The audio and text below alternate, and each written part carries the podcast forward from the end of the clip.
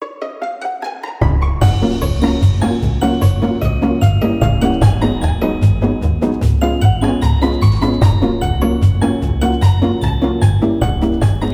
jeg heter Thea, Hei, jeg heter Oddrun. og vi jobber på Karmøy folkebibliotek. Velkommen til Bokfriminuttet. Oddrun, du har lest ei kjempeløyen bok i det siste. Ja, så absolutt. Boka heter Freddy Yates' Supermirakuløse reise og er skreven av Jenny Persen.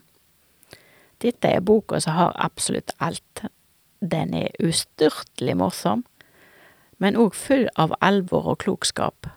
Dette er faktisk ei bok som jeg tror voksne kan kose seg med like mye som barn. Ja. Eh, hvem er det vi møter i denne boka, da?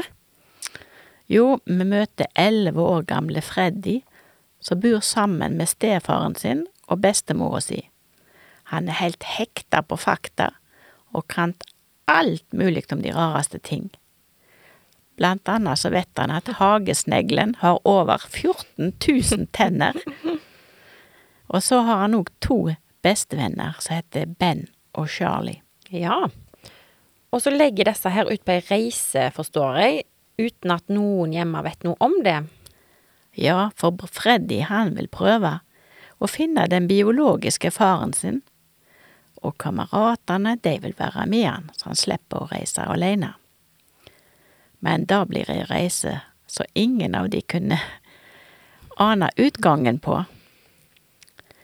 De roter seg bort i store trevor, blir med på løkspisekonkurranse, de ender opp på riksdekkende TV, Freddy i Supergirl-kostyme, og, og de andre har Batman og Spiderman-kostymer. Akkurat. Men hvordan går det ellers på denne reisen, da? Altså, finner han faren sin?